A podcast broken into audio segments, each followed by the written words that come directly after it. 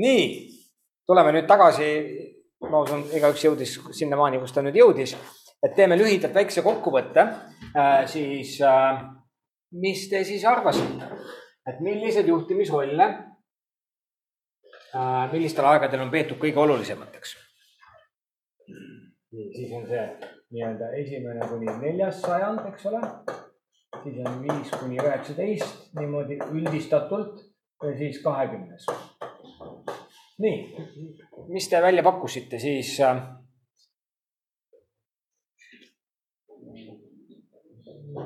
sa võid rääkida seal kohapeal, ei pea kuhugi tulema, võid istuda. ahah, nüüd tuleb see sisse. ja lauamikrofoni tuleb keerata. nii arvame, et tol ajal, kui hakkas äh, kristlus levima, siis väga olulised olid kõik rollid. Need olid kõik rollid väga olulised.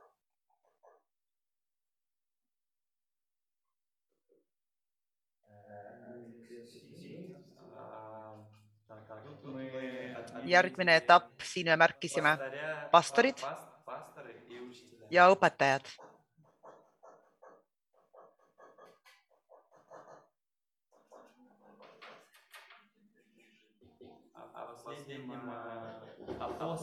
ja viimane apostlid ja evangelistid.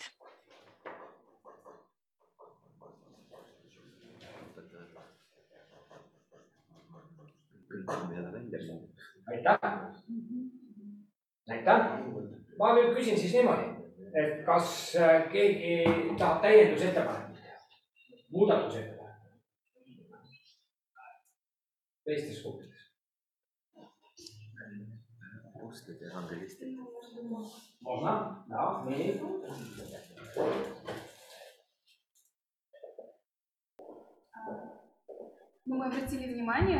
me pöörasime tähelepanu, et esimeses osas apostlid olid olulised. Need olid väga võtmeisikud ja evangelistid samamoodi, kes evangeliseerisid sest tol ajal nad pidid evangeliseerima selleks, et võita terve maailma. et praegu me ei saa nimetada inimest apostl'iks, ma arvan, et natuke teised rollid vist, kui ma õigesti saan aru.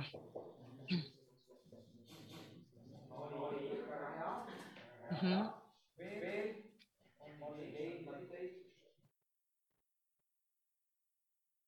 ja see teine küsimus, mis meil oli, eks ole, oli siis, et millised praeguses ühiskonnas on võtmetähtsusega, siis ma saan aru, et põhimõtteliselt see siin käibki ka selle kohta, eks ole. viie, viiene võiks olla ikka. viiene võiks olla. peaks võtmetähtsusega ju. no nii, ja nii viiene, see tähendab kõik. et kõik võiksid olla esindatud, et. kõik võiks olla esindatud. kui see omal ajal tagas selle kiire kasvu, siis. siis me kajame kõiki. noh et järelikult kõikidel on vajadust. ahaa, et me oleme nagu alguses tagasi, jah? noh, ei, see on see ideaalne, kus me võiksime olla. Mhm. tegelikult me ei ole seal. aga keda me selle tänapäeva apostli all nagu mõtleksime? nii, keda me, üks hetk, üks hetk, keda me mõtleksime tänapäeva apostli all, ma tutvustan teile. et äh, ma ei tahaks selles mõttes ette võtta. Äh, et ma tegelikult tahan teile tutvustada kõiki neid eriti ma tutvustan teile neid rolle koguduse rajamise kontekstis, kui me jõuame koguduse rajamise teemadeni äh, meie viimastes loengutes, siis ma võtan kõik need tükkideks ja, ja näitan teile siis ka neid võimalikke kirjeldusi sisse nendesse juhtimisrollidesse. jah, nii et ma praegult ei hakka seda ette ära vastama, eks ole, see tuleb, aitäh. nii, käsi. ole koha peal, sa ei pea kuhugi tulema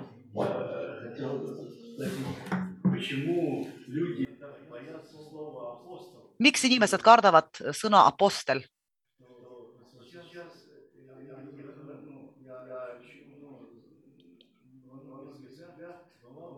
ja paljudes kogudustes olin käinud ja nägin, et hästi suhtutakse õpetajate vastu, võib-olla prohvetite vastu, pastorite vastu aga apostolite vastu selline tunne, et tekib mingi tõrge et äh, ei suuda aktsepteerida. et selline tunne, et neid nagu ei, ei ole vaja, mina ei ole nõus sellega. aga miks sa ise arvad, miks kardetakse? ma ei tea. ei tea, okei okay. mm. -hmm. ma arvan, siin on erinevaid põhjused, miks seda terminit kardetakse. Ja ma arvan, et üks selline põhjus on ka see, et me oleme näinud inimesi, kes hakkavad ennast ise apostliteks nimetama. teine vahe on see, et seal on inimene, kellel on apostellikud tunnused ja teised ütlevad, et sul on need tunnused et kui me räägime nendest viiest juhtimisannist, siis mina siin ka praegult ja kogu selle loengute käigus pigem räägin äh, apostli roll või funktsioon, pastori roll ja funktsioon, mitte tiitel.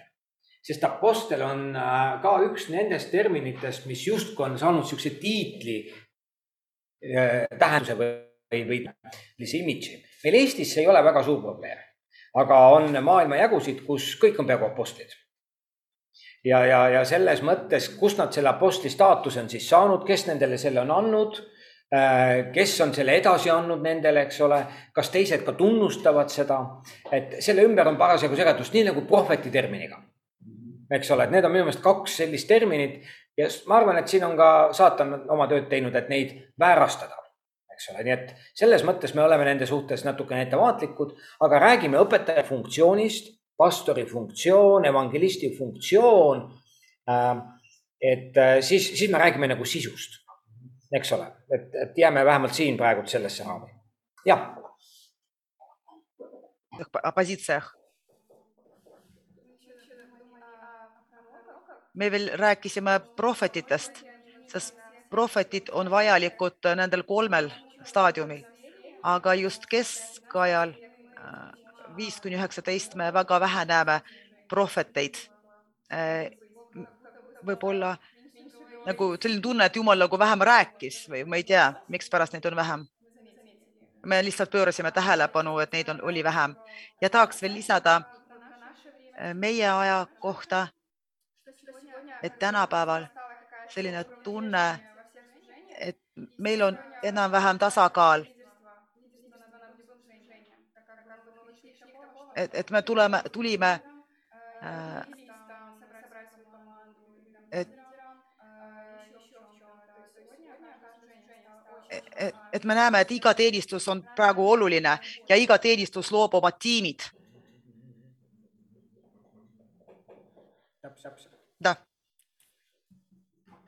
täpselt äh,. nii äh,, väga põnev, väga põnev, mis te räägite äh,.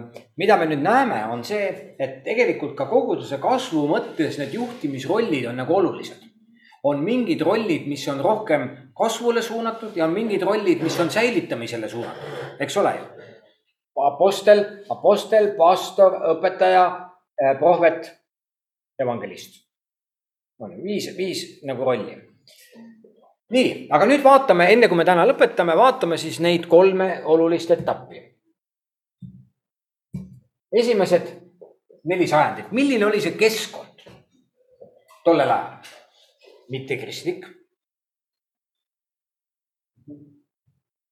Nii, mittekristlik ja multireligioosne.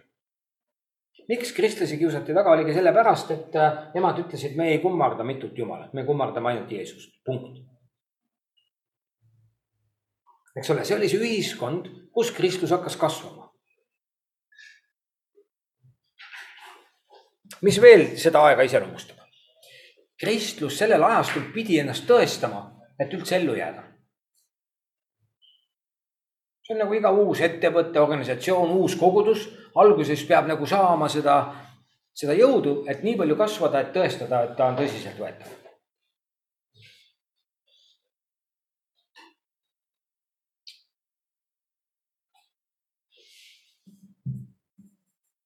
seda aega iseloomustab totaalselt suur kristlaste tagakius.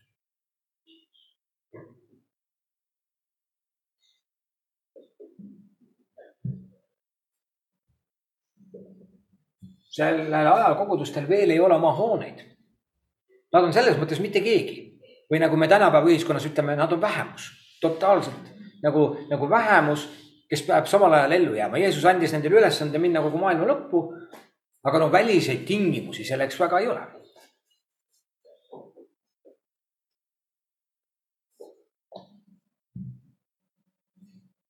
mis seda aega veel iseloomustab? Kinnitatakse, ometigi kinnitatakse Uue Testamendi kaanon peamiselt. kuigi see lõpuks toimub juba pärast Konstantinuse dikti, aga siiski sõnastatakse peamised dogmad. mida me usume? väga suured vaidlused käivad selle üle.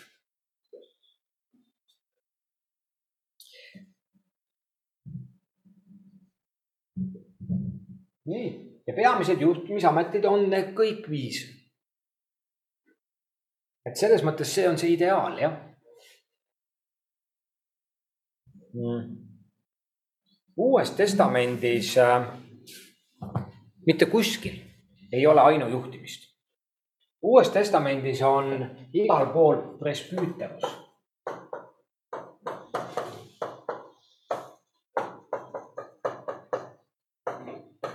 ja see on plural ehk mitmus, presbüüteros koguduste üle pandi vanemad, mitte üks vanem.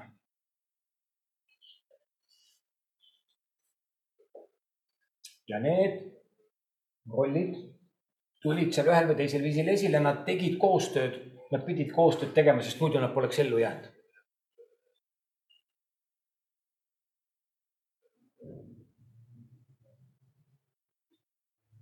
loomulikult apostlitel oli võtmeroll.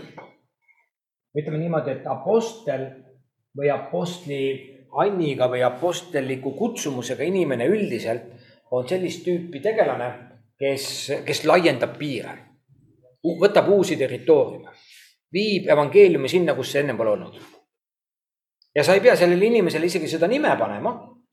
aga kui sa vaatad, mida üks või teine inimene teeb, siis sa hakkad märkama, et tal on neid tunnuseid ja sellel ajal ilmselgelt toimus kristluse laienemine. ja võtmekuju apostlite tegude raamatus on apostel Paulus. Pole kahtlustki. nii, järgmine selline suur faas, me praegu teeme üldistusi, eks ole, et selles mõttes äh, ma loodan, et te saate sellest aru, et me siin praegu üldistame. nüüd seda ajastut tegelikult iseloomustab selline termin nagu kristendom ehk kristlik ühiskond selline ühiskonnakord, kus usk, võim, ühiskonnakorraldus, kõik on kokku põimunud üheks tervikuks.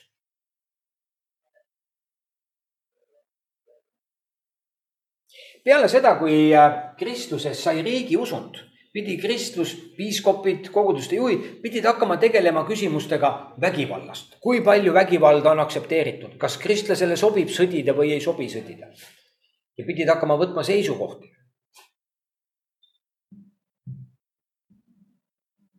ja nüüd, kui siiamaani oli kristlasi taga kiusatud, siis nüüd kiriku reaktsioon teiseusulistele oli. pea maha. et kui ennem oli kirikut taga kiusatud, siis nüüd kirik hakkas kõiki teisi taga kiusama, hereetikuteks kuulutama. mis iganes see siis oli. nii et mida see ütleb, see ütleb seda, et kui kirik on seotud võimuga siis automaatselt tal on hoopis teine roll selles ühiskonnas. niisiis, paganad, moslemid, ristiusujad, lõpuks minnakse sõtta, eks ole, moslemitega, ristisõjad teiste usuliste vastu. ühesõnaga, kirik hakkas kasutama vägivalda evangeeliumi levitamiseks või evangeeliumi kaitsmiseks, ükskõik kumba pidi me seda vaatame ja see on see etapp kiriku ajaloos, mida üldiselt, mille üle me kirikus ei ole väga uhked. mis veel seda kristliku ühiskonna ajastut iseloomustab? inimese sünd, ühesõnaga inimese elukaar tervikuna, tema sünd kuni tema surmani, kõik on kiriku kontrolli all. kiriku kontrolli all tähendab seda, et äh, inimene, kui ta sünnib, ta ristitakse kohe. temast saab kohe kiriku liige juba imikust saadik. tal ei ole oma valikut. ja kui ta lõpuks sureb, siis kirik matab ta ja kui ta sureb mingil muul viisil, mis kirikule ei sobi, siis kirik kindlasti ei mata teda oma surnuaeda, vaid matab ta kuskile mujale. ja kõik need vahepealsed olulised inimese elukaare sündmused, kõik on seotud kirikuga. ühesõnaga põhimõtteliselt inimestel ei ole valikut valida, kas olla kristlane või mitte. Ühiskond on selline, et nendel ei olegi teist võimalust. see iseloomustab seda aega nüüd ka inimeste kasvatus, koolid, haridus kui niisugune on kirikukoolid ja oleme ausad, kirik on selleks väga palju teinud. Äh, mis puudutab hariduse andmist. ja selles suhtes äh, need olid kirikukoolid, ühesõnaga haridus toimus ka läbi kiriku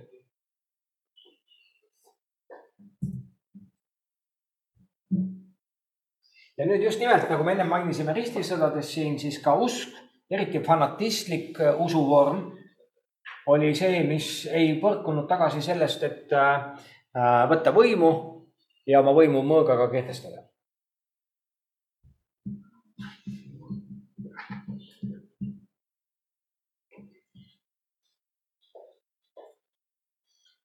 Paulus ütleb seda väga selgelt, valitsejale on antud võim ja mõõk, et kurja karistada aga kuna valitseja oli Kristus, eks ole, siis, siis tal ei olnudki, jäänudki muud üle. ühesõnaga võimu ja Kristuse nii-öelda kokkupõimumine põhjustab selliseid äh, asju,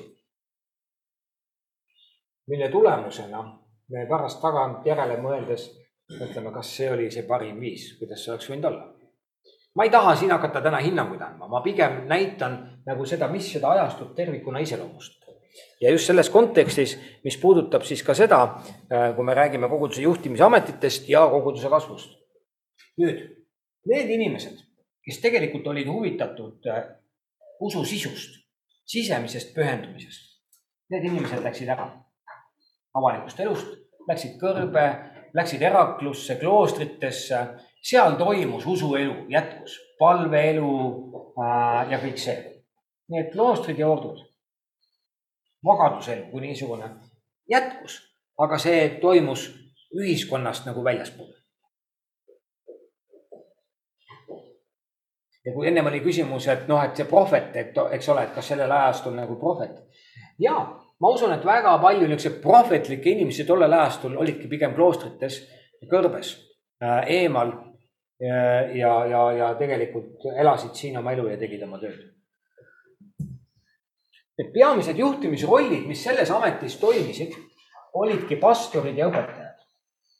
ja minu põhjendus on see. sellel ajastul ei olnud vaja evangeliste, sest inimene sündis Kristusesse, ta sai ristitud koguduse liikmeks beebina ja ta oli eluaeg kristlane. teda ei olnud vaja evangeliseerida. nüüd oli vaja teda õpetada ja oli vaja teda hoolitseda. pastorid tegid kogu selle töö ära, mis puudutab inimese elukorraldust teenisid inimest tema elukaasast, laulatasid. Äh, pastori funktsioon toimis sellega, et luua inimestele kõik see, kõik see nii-öelda teenus, mida inimesed vajavad oma elukaares. ja õpetajad olid siis dogmaatikud, õpetajad, kes õpetasid kristlikke põhitõdesid ja usutõdesid. Need olid nagu põhilised, mis tolle aja selles ühiskonnas olid nagu esiplaanil neid ajajärke vaatame, siis geograafiliselt, siis me vaatame ikkagi mitte kogu maailma, vaid. me vaatame ikka kristlikku lääne ühiskonda. põhimõtteliselt me vaatame Euroopat. Põhja-Ameerika on juba täitsa teistsugune.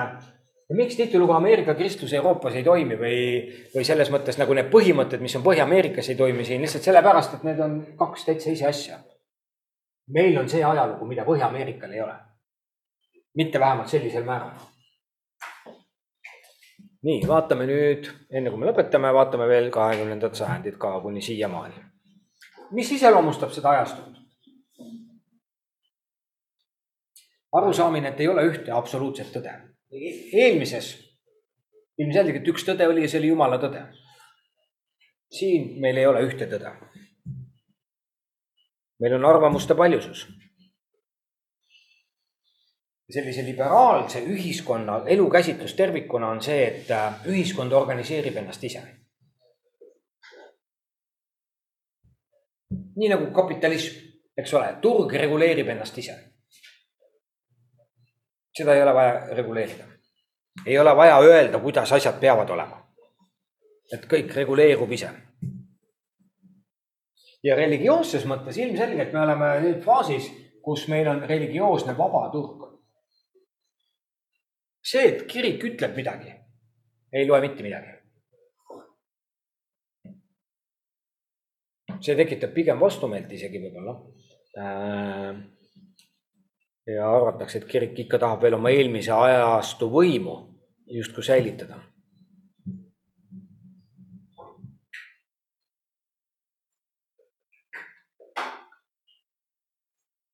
me ei ole enam ühiskonnas iseenesestmõistetavad ja selles võtmes me oleme tagasi varakoguduse sarnases kontekstis. aga ainukene vahe, et meil on nüüd see viieteistkümne sajandi pagas kaasas. mida Paulusel ja esimeste sajandite apostlitel ei olnud. ja nüüd on küsimus, kuidas me selle pagasiga koos nagu siit edasi läheme. Kuidas? no nii, no nii. seesama kristendom, millest me alles rääkisime, mis oli nagu kristliku maailma kese, on nüüd saanud hoopis missioonimaaks. mõtelge, milline nagu paradigmaatiline muutus on tegelikult toimunud. me oleme missionimaa. Täna Euroopas kõige suuremini või kõige enam kasvavad kogudused on migrantide kogudused. mitte Euroopa kogudused vaid migrantide kogudused. see on nüüd see reaalsus, kus me siis nüüd oleme. nüüd peamised, see on, mida ma väidan, peamised ametid, mida me täna selles olukorras vajame, on uuesti evangelistid ja apostlid, mitte et me teisi ei vaja, aga me vajame visiooni, me vajame lahendusi, me vajame uusi käsitlusi, mis on innovatiivsed ja võib-olla täitsa teistmoodi. ja põhiliselt need tulevad nendest inimestest, kes on laien-, laiendajad. pastor on hoidja, õpetaja on ka hoidja, eks ole, säilitaja oma olemiselt. aga me vajame selliseid tegelasi ja ma ei ütle, et nad on apostlid ja evangelistid, aga me vajame selliste omadustega tegelasi ja inimesi, kes aitavad meil mõelda välja sellest olukorrast, kus me täna oleme. Loomulikult me vajame neid kõiki, eks ole, et selles suhtes ei ole küsimustki, me vajame neid kõiki. aga me vajame teha ruumi, sest need on sellist tüüpi inimesed, kes on natuke, teevad meie elu ebamugavaks. kui ma neid kirjeldama teile hakkan veel hiljem, siis, siis te näete, need on inimesed, kes nagu raputavad neid praeguseid alustalasid. ja see on ebamugav ja tihtilugu me ei taha seda. nii, ma nüüd korra vaatan, mis mul siin on mis mul siin veel on?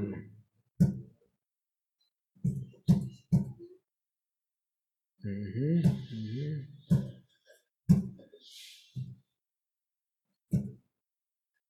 Nonii, ma ütlen siis veel selle ära ja siis me tõmbame otsa kokku.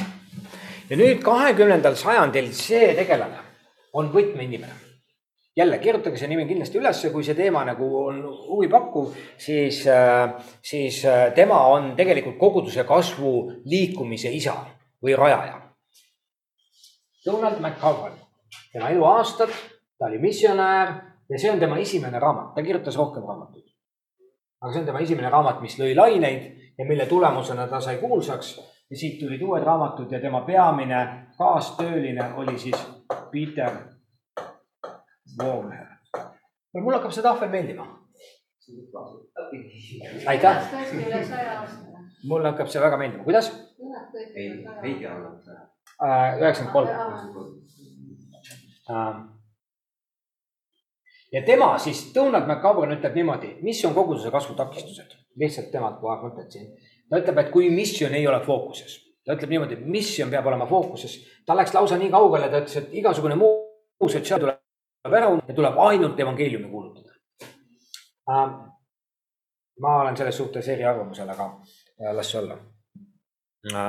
aga tema väga rõhutab seda just. ja teiseks, mis ta ütleb, ta ütleb niimoodi, et äh, missiooni tulemusena inimesed tulevad koguduse kultuuri ja siis nad imbuvad sinna sisse ja nad ei lähe enam maailma tagasi. Kahe, kolme, nelja aasta pärast nad kaotavad oma maailma sõbrad ja nüüd nende ainukesed sõpradeks saavad kristlased ja ta ütleb, et see on jama. põhimõtteliselt, need on nagu kaks olulist punkti.